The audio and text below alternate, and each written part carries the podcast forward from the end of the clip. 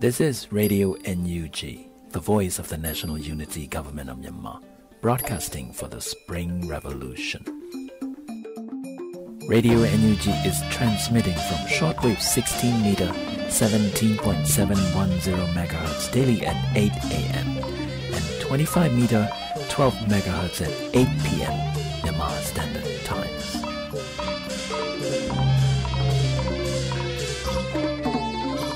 ဂလာပါခင်ဗျာအမျိုးသားညီညွတ်ရေးအစိုးရရဲ့အသံလွှင့်ဌာန Radio NUG ကိုမနေ့၈နိုင်မှာလိုင်းဒိုမီတာ16မီတာ19.87 MHz ညဘက်မှာလိုင်းဒိုမီတာ25မီတာ17 MHz တို့မှာတိုက်ရိုက်ဖမ်းယူနားဆင်နိုင်ပါပြီမင်္ဂလာအပေါင်းနဲ့ပြည့်စုံကြပါစေခုချိန်ကစပြီး Radio NUG အစီအစဉ်လေးကိုဓာတ်ရိုက်အသံလွှင့်ပေးနေပါပြီ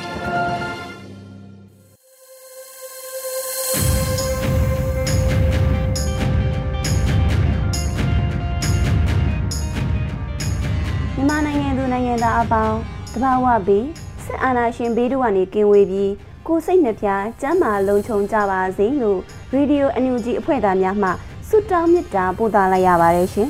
။ပထမဦးစွာရေဒီယိုအန်ယူဂျီရဲ့နေ့စဉ်သတင်းများကို တင်ဆက်ပေးသွားမှာဖြစ်ပါတယ်ရှင်။စက်တင်ဘာလ18ရက်နေ့ပြည်တွင်သတင်းများသတင်းကောင်းစင်တွေကတော့မွန်နဲ့ကရင်ကမြို့တွေမှာအင်ရှင်ကိုယ်တိုင်မဟုတ်တဲ့နေအိမ်တွေကိုစည်ရင်ကောက်ခံတာ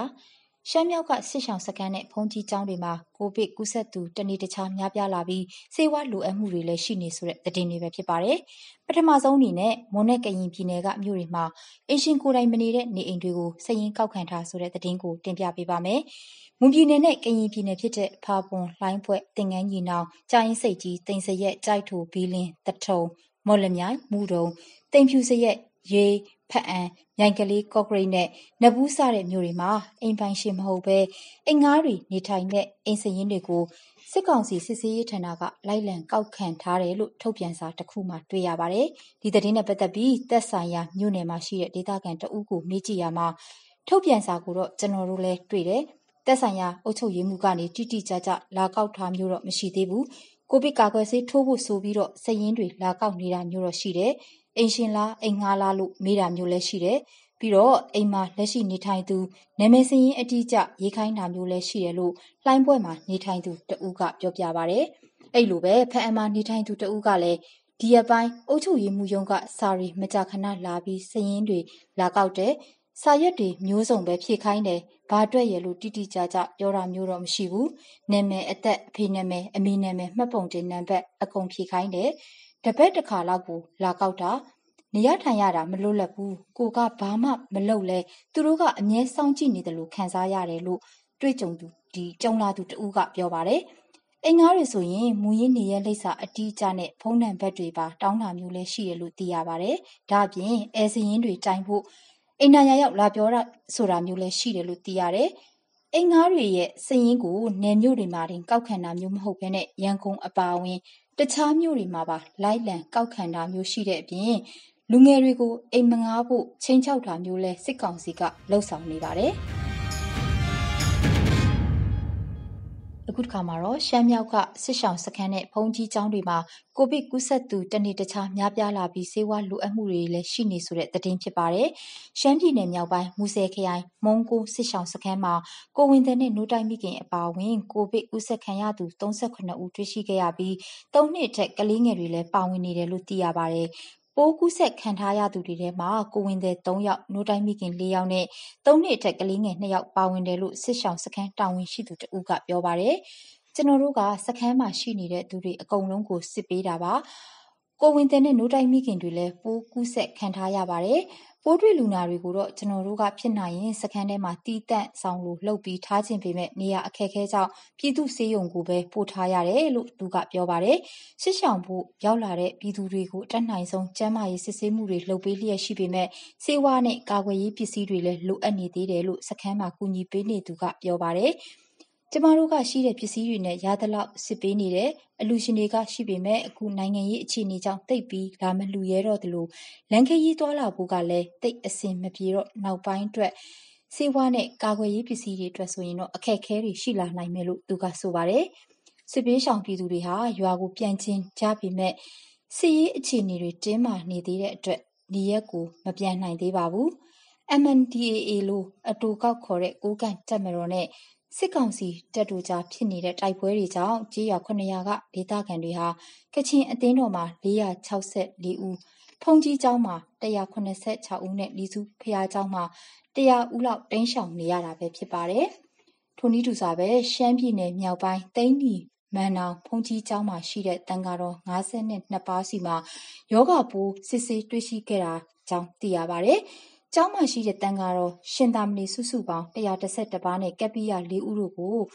RTT test kit နဲ့ မနေ့က စစ်ဆေးခဲ့ရမှာတော့ပိုးကိုဗစ်ပိုးကို တွေ့ရှိခဲ့တာပဲဖြစ်ပါတယ်။မနေ့အထိတိန်းနီမြို့နယ်ထဲမှာရှိတဲ့ အတည်ပြုလူနာ382ဦးနဲ့ သေဆုံးသူ12ဦး ရှိနေပါတယ်။သိန်းနီအပြင် မူဆယ် လာရှိုးနံပါတ်2နန့်ဆန် မိုးမိတ်နဲ့ကြောင်မဲမြို့နယ်မှာရှိတဲ့ ဘုံကြီးကျောင်း သီလရှင်ကျောင်းတွေမှာ ကူးဆက်ခံရသူ300ကျော်အထိ ရှိလာနေပြီပဲဖြစ်ပါတယ်။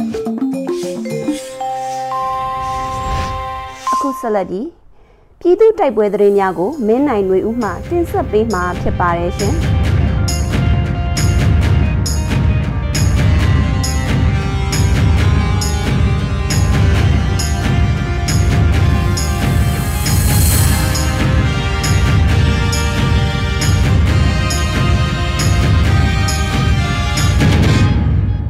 အခုပထမအဆုံးအနေနဲ့ကျင်းနှင်းမျိုးစီအင်အားဖြည့်တင်းဖို့လာတဲ့စစ်ကောင်စီတပ်ကို CDF ကံပတ်လက်ကကြားပြတက်ခဲ့ခဲ့လို့စစ်ကောင်စီတပ်သား9ဦးသေဆုံးပြီးဒဏ်ရာရသူများပြားခဲ့တဲ့တဲ့ရင်ကိုတင်ဆက်ပေးကြပါမယ်။ချင်းပြည်နယ်တောင်ပိုင်းကျင်းနှင်းမျိုးကိုအင်အားဖြည့်တင်းဖို့လာတဲ့အကြမ်းဖက်စစ်ကောင်စီတပ်ကြောင်းကိုစက်တင်ဘာလ16ရက်ကမကွေးတိုင်းလုံးရှင်နေချင်းပြည်နယ်နေဆက်တနေရာမှာ CDF ကံပတ်လက်ကကြားပြတက်ခဲ့ခဲ့ရာ စစ်ကောင်စီဘက်မှ9ဦးသေဆုံးပြီးဒဏ်ရာရသူများပြားတာကြောင့်ပြန်လည်ဆုတ်ခွာသွားခဲ့တဲ့အကြောင်းကို CDF ကံပလက်ကသတင်းထုတ်ပြန်ခဲ့ပါတယ်။အဆိုပါတိုက်ပွဲတွင်ကံပလက်အခြေဆိုင်ချင်းဒေသကာကွယ်ရေးတပ်မှထိခိုက်ဒဏ်ရာရရှိသူမရှိကြောင်းနဲ့တိုက်ပွဲသတင်းများအားလူမှုကွန်ရက်တွင်အလင်းစလိုမဖြန့်ဝေကြရန် CDF ကတိုက်တွန်းထားပါတယ်။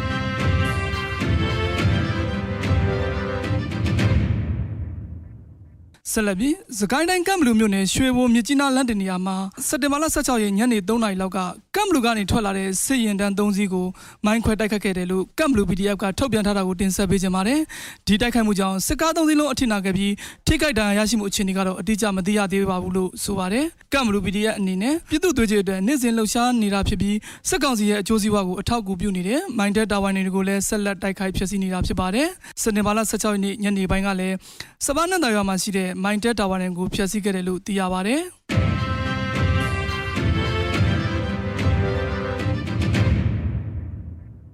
ဆက်လက်ပြီးလက်နက်ကြီးနဲ့ကြီးစံတွေယူဆောင်လာပြီး CDN ဝင်လာမဲ့တပ်မတော်သားတွေကိုတိမ့်တရာတိစုချဲချင်းမြင်မယ်လို့ CDF ဟာခကြေညာခဲ့တဲ့သတင်းကိုတင်ဆက်ပေးသွားမှာပါ။အာနာသိန်းစစ်ကောင်စီရဲ့အကြမ်းဖက်မှုတွေကိုနိုင်ငံသားတာဝန်အသိစိတ်အပြည့်နဲ့ဖီဆန်ကပြည်သူလူထုနဲ့လာရောက်ပူးပေါင်းလိုတဲ့တပ်မတော်သားရဲသားတွေကိုနေထွေစာကြိုးဆိုပြီးလက်နက်တွေယူဆောင်လာမယ်ဆိုရင်စုချင်းကိုထပ်ထပ်တန်ချင်းမြင်မယ်လို့ဟာခချင်းလန်းကာကွယ်ရေးတပ် CDF ဟာခကစက်တင်ဘာလ16ရက်မနေ့ကကြေညာချက်ထုတ်ပြန်ထားပါတယ်။စီရီယံဝင်ရောက်လာမဲ့တပ်မတော်သားရဲသားတွေအနေနဲ့လက်နက်ငယ်နဲ့ကြီးစံတွေယူဆောင်လာခဲ့ရင် ငွေကျပ်350လက်နက်ကြီးနဲ့ကြီးစံတွေယူဆောင်လာခဲ့ရင်ငွေကျပ်300ကိုစုချင်းငွေဖြင့်ချီးမြှင့်မယ်လို့ဟာခစီရီယရဲ့ထုတ်ပြန်ချက်မှာပါရှိပါတယ်။ထအပြင်ပြည်သူပိုင်ဌာနဆိုင်ရာကားတွေကိုတပါသေးယူဆောင်လာခဲ့မယ်ဆိုရင်လည်းငွေကျပ်350ကိုစုချင်းငွေအဖြစ်ချီးမြှင့်မယ်လို့လည်းဆိုပါတယ်။တပ်မတော်သားရက်တပ်ဘဝင်နဲ့ဌာနဆိုင်ရာလူကြီးများအနေနဲ့စီရီယံဝင်ရောက်လာမယ်ဆိုရင်မိသားစုဝင်တွေအတွက်လုံခြုံရေးစောင့်ဝင်နေရေးနဲ့ကျန်းမာရေးစောင့်ရှောက်မှုတွေဆောင်ရွက်ပေးမယ်လို့ဟာခချင်းလန်းကာကွယ်ရေးတပ် CDF ဟာခကထုတ်ပြန်ထားပါတယ်။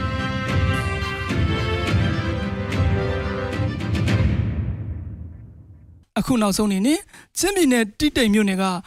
ခိုင်ကန့်နယ်မြေရဲစခန်း6မိုင်ဂိတ်ကိုစက်တင်ဘာလ18ရက်နေ့မနက်ပိုင်းကပီဒီအသုံးဘက်ပူပေါင်းတိုက်ခိုက်ခဲ့ရာရဲ9ယောက်သေဆုံးခဲ့ပြီးအများပြဒဏ်ရာရသွားတယ်လို့ PDF ဇိုလန်ကထုတ်ပြန်ထားတဲ့သတင်းကိုတင်ဆက်ပေးသွားမှာပါခိုင်ကန့်မြို့နယ်မြေရဲစခန်း6မိုင်ဂိတ်ကိုဒီနေ့မနက်9နာရီလောက်က PDF ဇိုလန် Civil Defense Militia CDF KKG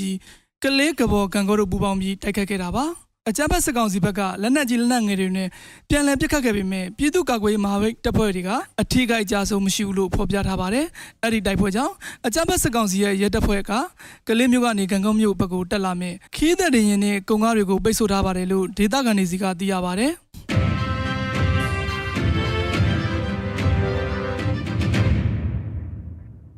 အာဏာသိမ်းအကြမ်းဖက်စစ်အုပ်စု၏ပြည်သူလူထုပေါ်အကြမ်းဖက်ဖိနှိပ်ဆက်တိုက်ခိုက်တပ်ဖြတ်မှုများကိုပြည်သူလူထုတရက်လုံးကအသက်ရှင်သန်ရေးအတွက်မိမိကိုယ်ကိုမိမိခုခံကာကွယ်ခွင့်အရာပြည်သူခုခံစဉ် People Development Award ကိုဆင်နွှဲလျက်ရှိရာသတင်းအချက်အလက်များအရာ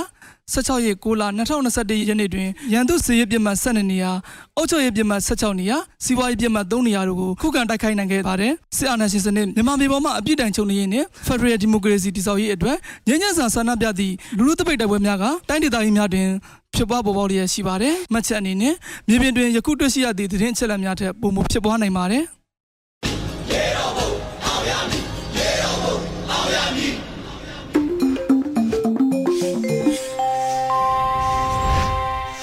ရေဒီယို NUG မှဆက်လက်အသံလွှင့်နေပါတယ်ရှင်။အခုဆက်လက်ပြီးမင်းလွင်ရေးသားထားတဲ့တော်လန်ရေးလိုအမည်ရတဲ့ကြပြာကိုຫນွေဦးကိုကိုမှခန်းစားတင်ဆက်သွားမှာဖြစ်ပါတယ်ရှင်။တော်လှန်ရေးခတ်တီတစ်ပင်ကနေဟောကျွေလွင့်ခဲ့ရသမျှတစ်ပင်တွေငါတို့ကပါမြေကိုငါတို့ရအောင်ပြန်ဆိုင်မယ်ငါတို့အလံကို ငါတို့ရအောင်လွှင့်ထူမယ်ဆုံးရှုံးမှုကနေပန်းကလေးတွေပြန်လာမယ်ဒါဆိုငါတို့အောင်မြင်ပါပြီကွယ်မင်းလွင်တရက်စွန်လ2021ရေတော်ဘုံအောင်ရမည်ရေတော်ဘုံအောင်ရမည်အခုဆက်လက်ပြီးမိုးမခမီဒီယာမှာရေးသားတင်ဆက်ထားတဲ့ ဆရာတီအိုဇော်ရဲ့ Critical Committee အဖွဲ့ဝင်နိုင်ငံများအကြောင်းဆောင်ပါကိုຫນွေဦးဟန်နီမှတင်ဆက်ပေးမှာဖြစ်ပါတယ်ရှင်။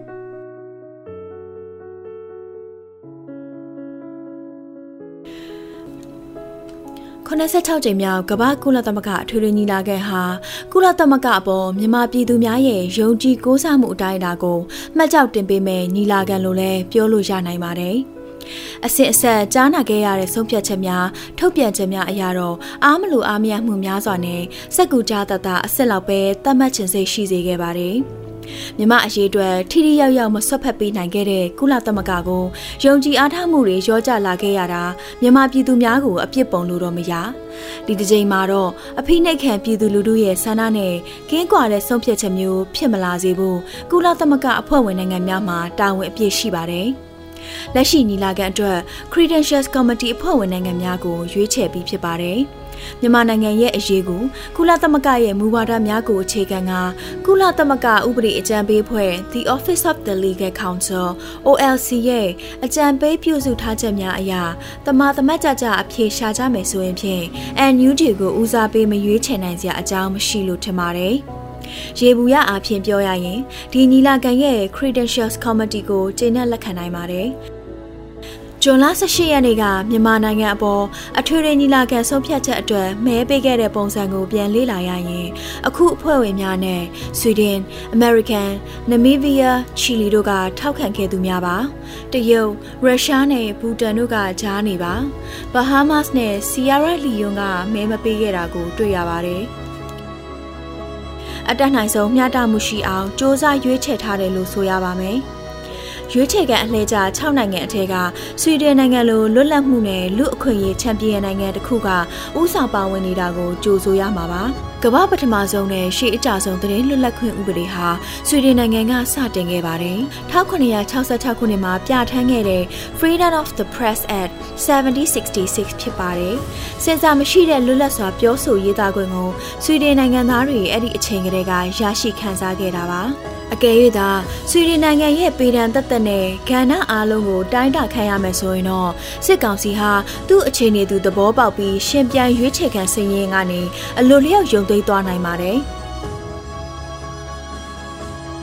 ဒီ Credentials Committee မှာပါဝင်လာတဲ့နမီးဘီးယားနိုင်ငံအကြောင်းကတော့စိတ်ဝင်စားစရာကောင်းပါတယ်။1990ခုနှစ်ကမှလွတ်လပ်ရေးရခဲ့တဲ့အတွက်ဒီအဖွဲ့ထဲမှာလွတ်လပ်ရေးတက်တန်အမှုပြိုဆုံးလို့ဆိုနိုင်ပါတယ်။ ပထမကမ္ဘာစစ်ကြီးမှာဂျာမနီစစ်ရှုံးတော့နိုင်ငံပေါင်းချုပ်အသင်းကြီးရဲ့ဆုံးဖြတ်ချက်နဲ့ဂျာမနီရဲ့ကိုလိုနီဖြစ်တဲ့နမီးဗီးယားကိုတောင်အာဖရိကနိုင်ငံကအုပ်ချုပ်ခွင့်ရခဲ့ပါတယ်။ South West Africa အမည်နဲ့ခေါ်ဝေါ်ဆဲအချိန်ပါ ဒုတိယကမ္ဘာစစ်အပြီးနိုင်ငံပေါင်းချုပ်အသင်းကြီးဖျက်သိမ်းပြီးကုလသမဂ္ဂဖွဲ့စည်းပြီးတဲ့နောက် United Nations Trusteeship System ကိုဖော်ဆောင်ခဲ့ပါတယ်။အရှင်နိုင်ငံပေါင်းချုပ်အသင်းကြီးရဲ့စီမံဆုံးဖြတ်မှုအောက်မှာရရှိခဲ့တဲ့နေမြေစစ်ရှုံးနိုင်ငံများရဲ့ကိုလိုနီအစရှိတာတွေကိုကိုပိုင်အုပ်ချုပ်ရေးသို့မဟုတ်လွတ်လပ်ရေးလမ်းကြောင်းပေါ်ပို့ပေးဖို့အစီအစဉ်ဖြစ်ပါတယ်။ဒါပေမဲ့တောင်အာဖရိကနိုင်ငံကသဘောမတူတဲ့အတွက် ICJ ကုလသမဂ္ဂမှာအငင်းခုန်ပြူရင်ဇံမျောနေခဲ့ပါတယ်။ အဲ့ဒီအတွက်လွတ်လပ်ရေးအတွက်အကျိုးပန်းနေတဲ့ Southwest Africa People's Organization SWAPO ဟာလက်နက်ကင်တိုက်ပွဲဝင်ပါတော့တယ်။ SWAPO ဟာလက်ရှိနမီးဘီးယားအာဏာရပါတီဖြစ်ပြီးပါတီစုံစနစ်ဖြစ်ပေမဲ့1990ခုနှစ်လွတ်လပ်ရေးရချိန်ကစလို့အခုချိန်ထိသူကပဲစက်တအနိုင်ရအင်အားကြီးပါတီဖြစ်ပါတယ်။မြန်မာနိုင်ငံလိုပဲနမီးဘီးယားနိုင်ငံမှာကွဲပြားတဲ့တိုင်းရင်းသားလူမျိုးစုများပြားလာပါတယ်။ တောင်အာဖရိကနိုင်ငံစီကလွတ်လပ်ရေးရယူတဲ့အချိန်ကာလမှာကုလသမဂ္ဂအဖွဲ့ကြီးက United Nations Transition Assistance Group UNTAG လို့အမည်ပေးထားတဲ့ကုလသမဂ္ဂငြိမ်းချမ်းရေးတပ်ဖွဲ့အစည်းအဝေးနဲ့အသွင်ကူးပြောင်းရေးအစဉ်ချုံမောအောင်ဝင်ရောက်ကူညီခဲ့ပါတယ်။ကုလသမဂ္ဂလုံခြုံရေးကောင်စီရဲ့အလှည့်ကျအဖွဲ့ဝင်နိုင်ငံအဖြစ်လဲ1999 2000မှာဆောင်ရွက်ခဲ့ပူပါတယ်။ 69ကြိမ်မြောက်အထွေထွေညီလာခံမှာ Credentials Committee အဖွဲ့ဝင်တနိုင်ငံဖြစ်ခဲ့ပြီးဖြတ်သန်းမှုအတွေ့အကြုံဆုံးလင်းတဲ့နမီးဗီးယားနိုင်ငံကို86ကြိမ်မြောက်ညီလာခံမှာထပ်မံခန့်အပ်ခဲ့ခြင်းဟာမြန်မာရေးအတွက်အကြံပြုချက်ကောင်းများဆောင်ကျဉ်လာနိုင်မယ်လို့ယူဆတဲ့အတွက်ဖြစ်နိုင်ပါတယ်။ချီလီနိုင်ငံနဲ့ဆီယာရာလီယိုနိုင်ငံဟာ83ကြိမ်မြောက်ညီလာခံမှာလဲ Credentials Committee အဖွဲ့ဝင်ဖြစ်ခဲ့ကြပါတယ်။ စစ်အာဏာရှင်ပီနိုရှေရဲ့အောက်မှာရက်ဆက်ကြမ်းကြုတ်မှုဖိနှိပ်ချုပ်ချယ်မှုတို့ကိုကြာမြင့်စွာခံစားခဲ့ကြရတဲ့ချီလီလူအဖွဲ့အစည်းဟာအခုတော့အဖက်ဖက်ကတိုးတက်ပြောင်းလဲနေပါပြီ။ဒီမိုကရေစီနဲ့လူ့အခွင့်အရေးစံချိန်စံထားများကလည်းအားကျရလောက်အောင်ပြည့်မီလာပါတယ်။ ကမ္ဘာအများဆုံးကျေးနီထုတ်လုပ်တဲ့နိုင်ငံဟာအကျင့်ပြတ်လက်စားမှားယွင်းတဲ့စီမံခန့်ခွဲမှုတွေနဲ့လဲပတ်ခဲ့တဲ့စစ်အာဏာရှင်လက်အောက်ကလွတ်မြောက်ပြီးနောက်လက်တင်အမေရိကရဲ့စီးပွားရေးတိုးတက်မှုအမြန်ဆုံးနိုင်ငံတစ်နိုင်ငံအဖြစ်ကမ္ဘာဘဏ်ကသတ်မှတ်လာရပါတယ်။ American နိုင်ငံနဲ့နှိုင်းယှဉ်အောင် Global Freedom Source ပိုမြင့်လာတာလဲတွေ့နိုင်ပါတယ်။ Credentials Committee မှာဒီလိုတမိုင်းကြောင့်ရှိတဲ့နိုင်ငံပါဝင်လာတာကိုကြိုဆိုရမှာဖြစ်ပါတယ်။ ဆီယာရာလီယိုနိုင်ငံကိုယ်တိုင်ကမေလ1990မှာစစ်အာဏာသိမ်းမှုကြောင့်ကုလသမဂ္ဂမှာမြန်မာနိုင်ငံလိုအလားတူဖြစ်ရကြုံခဲ့ပူပါတယ်။အဲ့ဒီအချိန်ကကုလသမဂ္ဂကဒီမိုကရေစီနီးလန်းတကျအာဏာရခဲ့တဲ့အာဏာသိမ်းခံသမ္မတအာမက်ဂျန်ကဘာရဲ့ကိုယ်စားလှယ်ကိုပဲဆက်အတိမတ်ပြုခဲ့ပါတယ်။ဒီအတွက်စီယာရဲ့လီယိုနိုင်ငံဟာယခုတစ်ခေါက်မှာမြန်မာနိုင်ငံအပေါ်ကိုချင်းစာနိုင်လိမ့်မယ်ထင်ပါတယ်။ ဒီအာဏာသိမ်းမှုဟာပြည်တွင်းစစ်မီတောက်လောင်နေတဲ့ကာလမှာဖြစ်ခဲ့တာဖြစ်ပြီး၁၇နှစ်ကြာဖြစ်ပွားခဲ့တဲ့ပြည်တွင်းစစ်ပြီးဆုံးသွားပြီဖြစ်ကြောင်းအာဏာလက်ဝယ်ပြန်ရခဲ့တဲ့သမ္မတအာမက်ဂျန်ကဘာက2002ခုနှစ်ဇန်နဝါရီလမှာကြေညာခဲ့ပါတယ်။ ပြည်တွင်းစစ်နောက်ဆက်တွဲပြဿနာများအပြင် Ebola virus ကူးစက်ပြန့်ပွားမှုတန်းကိုဆက်လက်ခံခဲ့ရတဲ့ Sierra Leone နိုင်ငံဟာဖွံ့ဖြိုးမှုအနည်းဆုံးနိုင်ငံတစ်ခုအဖြစ်ဆက်လက်ရုန်းကန်နေရဆဲဖြစ်ပါတယ်။ဒါတော့မှ Global Freedom Source နဲ့သတင်းလွတ်လပ်ခွင့်မှာစစ်ကောင်စီကိုအစဉ်အဆက်ကာကွယ်ပေးလေ့ရှိတဲ့ဗီတိုအာဏာပိုင်ဆိုင်တဲ့နိုင်ငံများထက်သာလွန်နေပါတယ်။ ဘဟားမတ်စ်နိုင်ငံဟာဆီယာရာလီယိုနိုင်ငံလိုပါပဲမြန်မာနိုင်ငံနဲ့တရဝင်းတတမန်ဆက်ဆံရေးမရှိဘူးလို့သိရှိထားပါတယ်1492ခုနှစ်မှာခရစ္စတိုဖာကိုလံဘတ်စတင်တွေ့ရှိခဲ့တယ်လို့အဆိုရှိတဲ့ကျွန်းပေါင်း900ပတ်ဝန်းကျင်ပါဝင်ဖွဲ့စည်းထားတဲ့ကျွန်းစုနိုင်ငံမှာ325နှစ်ကြာကိုလိုနီအဖြစ်ခံခဲ့ရပြီးနောက်1983ခုနှစ်မှာ British နိုင်ငံကနေလွတ်လပ်ရေးရခဲ့တဲ့နိုင်ငံဖြစ်ပါတယ်။ လူဦးရေလေးသိန်းဝန်းကျင်သာရှိတဲ့ဗြိတိရှဒနသဟာယနိုင်ငံတစ်ခုလည်းဖြစ်ပါတယ်။သူ့အပိုင် Green Bahamas ကျွန်းမှာရှိတဲ့ Freeport City ဟာ Florida ရဲ့ Palm Beach နဲ့မိုင်တရာအောက်အကွာအဝေးမှာပဲရှိပါတယ်။ ကမ္ဘာအနှံ့တရုတ်နိုင်ငံရဲ့ယဉ်ကျေးမှုများတွေ့မြင်နေရတာမဆန်းလာပေမဲ့ American နိုင်ငံအတွက်တော့သူ့ချန်နောက်ဖွေးလိုတောင်ခေါ်ရမလို့နီးကပ်နေတဲ့ Freeport City မှာဒေါ်လာ3ဘီလီယံတန်ရေနက်စိတ်ကမ်းတစ်ခုအစပြုနေတာကိုသတိနဲ့စောင့်ကြည့်နေရတဲ့အခြေအနေပါ။အမေရိကန်နဲ့တရုတ်တို့အားပြိုင်မှုတစားတဲ့တစားပိုများလာနိုင်တဲ့ Caribbean ဒေသဖြစ်ပါတယ်။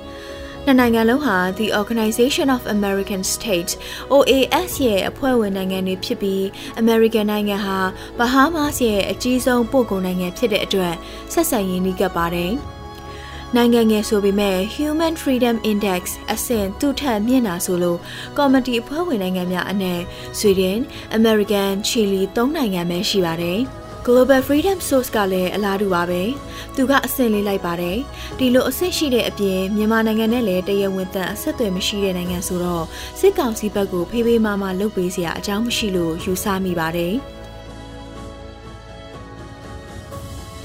ဘူတန်နိုင်ငံဟာပထဝီဝင်အနေထားအရတရုတ်နိုင်ငံနဲ့အိန္ဒိယနိုင်ငံတို့အိမ်နီးချင်းဟိမဝန္တာတောင်တန်းပေါ်ကကုန်းတွင်းပိတ်နိုင်ငံလေးဖြစ်ပါတယ်။1950ခုနှစ်မတိုင်မီကတော့တိဘက်ကိုလည်းအိမ်နီးချင်းနိုင်ငံအဖြစ်ထည့်သွင်းနိုင်ပါတယ်။ဒီအနေထားမှာလူဦးရေ၈သိန်းပတ်ဝန်းကျင်သာရှိတဲ့နိုင်ငံဟာဘလောက်တောင်တတိကြီးကြီးနဲ့ပါးနတ်စွာနေထိုင်ရမယ်ဆိုတာစဉ်းစားကြည့်နိုင်ပါတယ်။တန်ရုံးအဆင့်ထားရှိဆက်ဆံတဲ့လက်ချိုးရည်လို့ရတဲ့နိုင်ငံတွေမှာအိန္ဒိယနိုင်ငံပါပါတယ်။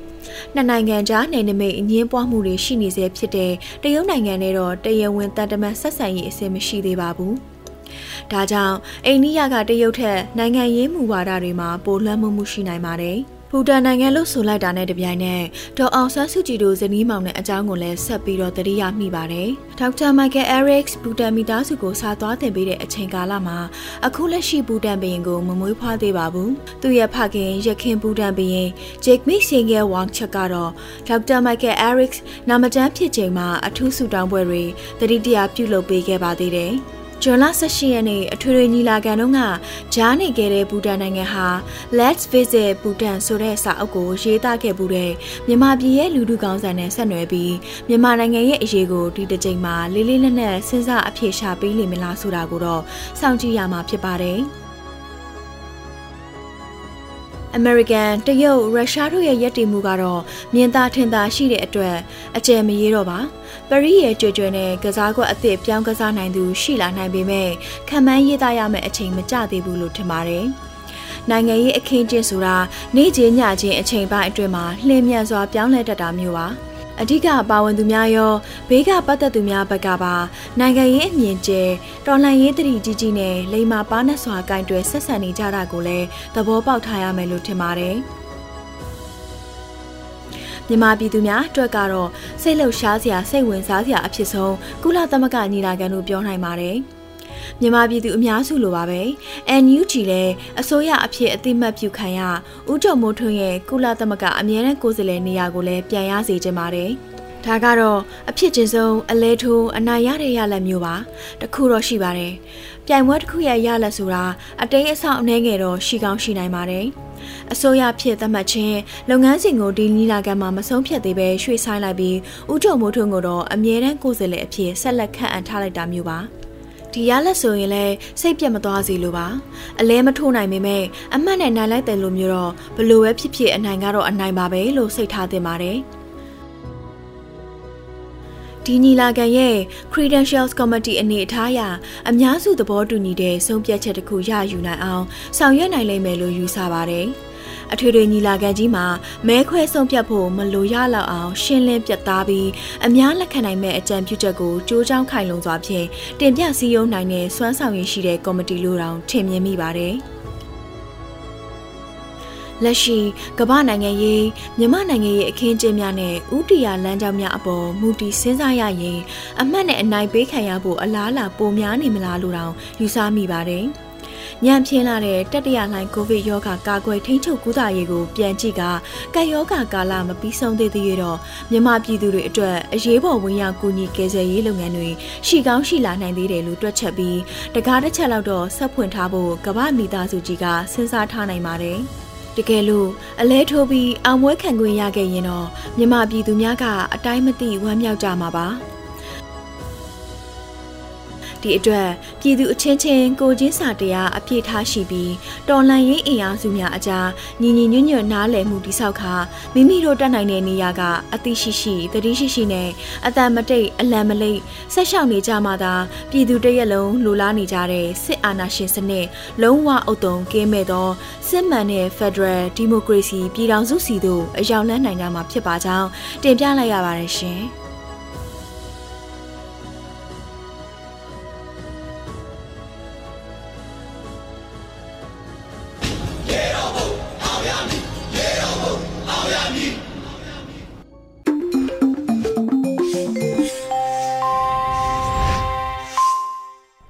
Radio NUG မှဆက်လက်အသံလွှင့်နေပါတယ်ရှင်။ကိုဗစ်နဲ့စီးကျိုသမားများအတွက်စားသောက်မှုပုံစံအကြောင်းကိုဒေါက်တာသီရိဖုံးမြတ်မှတင်ဆက်ပေးသွားမှာဖြစ်ပါတယ်ရှင်။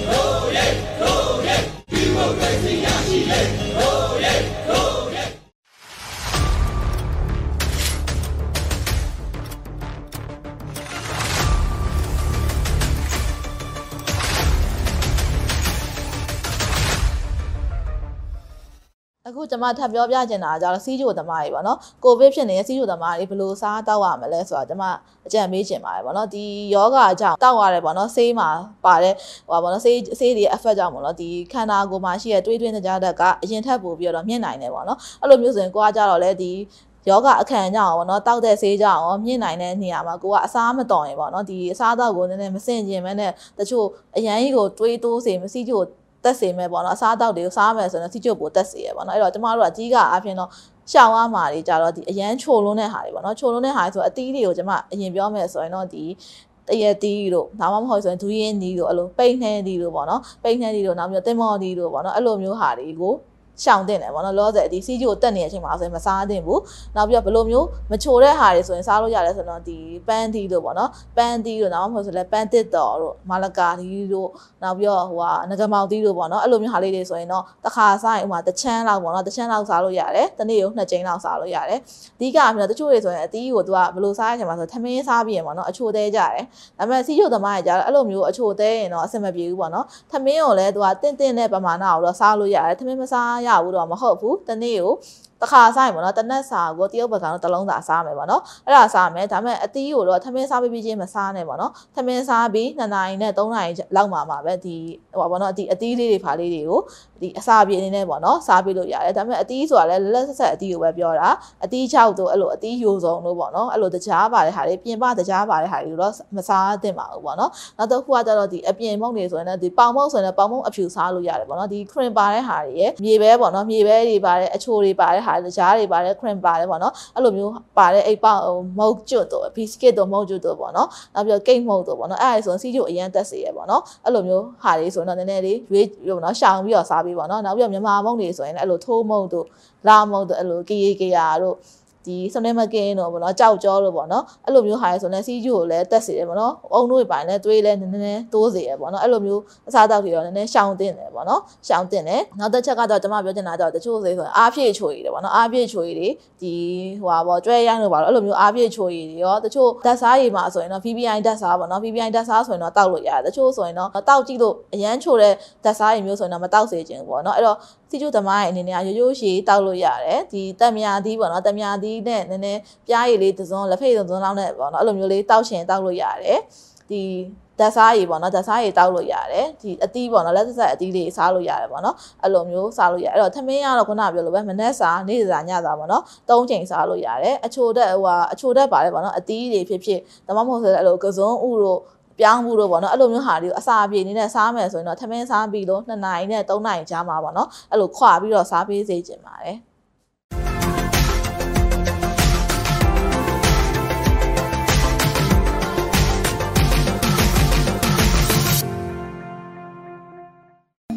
ဒီကနေ့တော့ဒီညနဲ့ပဲ Radio NUG အစီအစဉ်လေးကိုကိတ္တရန်နာလိုက်ပါမယ်မြန်မာစံတော်ချိန်မနေ့၈နာရီညနေ၈နာရီတို့မှာ ပြန်လည်တွေ့ဆုံကြပါစို့မိုက်ဒိုမီတာ16 19တက်သမ9တက်ဆုံညမဂါဟတ်မှာဖိုင်းယူ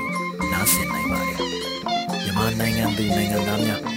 ကိုစိတ်နှပြချမ်းသာချမ်းသာတော့ဘေးကင်းလုံခြုံကြပါစေလို့ Radio NUG အဖွဲ့သူအဖွဲ့သားများဆုတောင်းပေးလိုက်ပါတယ်အမျိုးသားညီညွတ်ရေးအစိုးရရဲ့ဆက်သွယ်ရေးသတင်းအချက်အလက်နဲ့ဤပညာဝန်ကြီးဌာနကထုတ်လွှင့်နေ San Francisco Bay Area ခြေဆိုင်မြန်မာမိသားစုများနဲ့နိုင်ငံတကာကစေတနာရှင်များလုပ်အားပေးများရဲ့ Radio NUG ဖြစ်ပါတယ်အရေးတော်ပုံအောင်ရမည်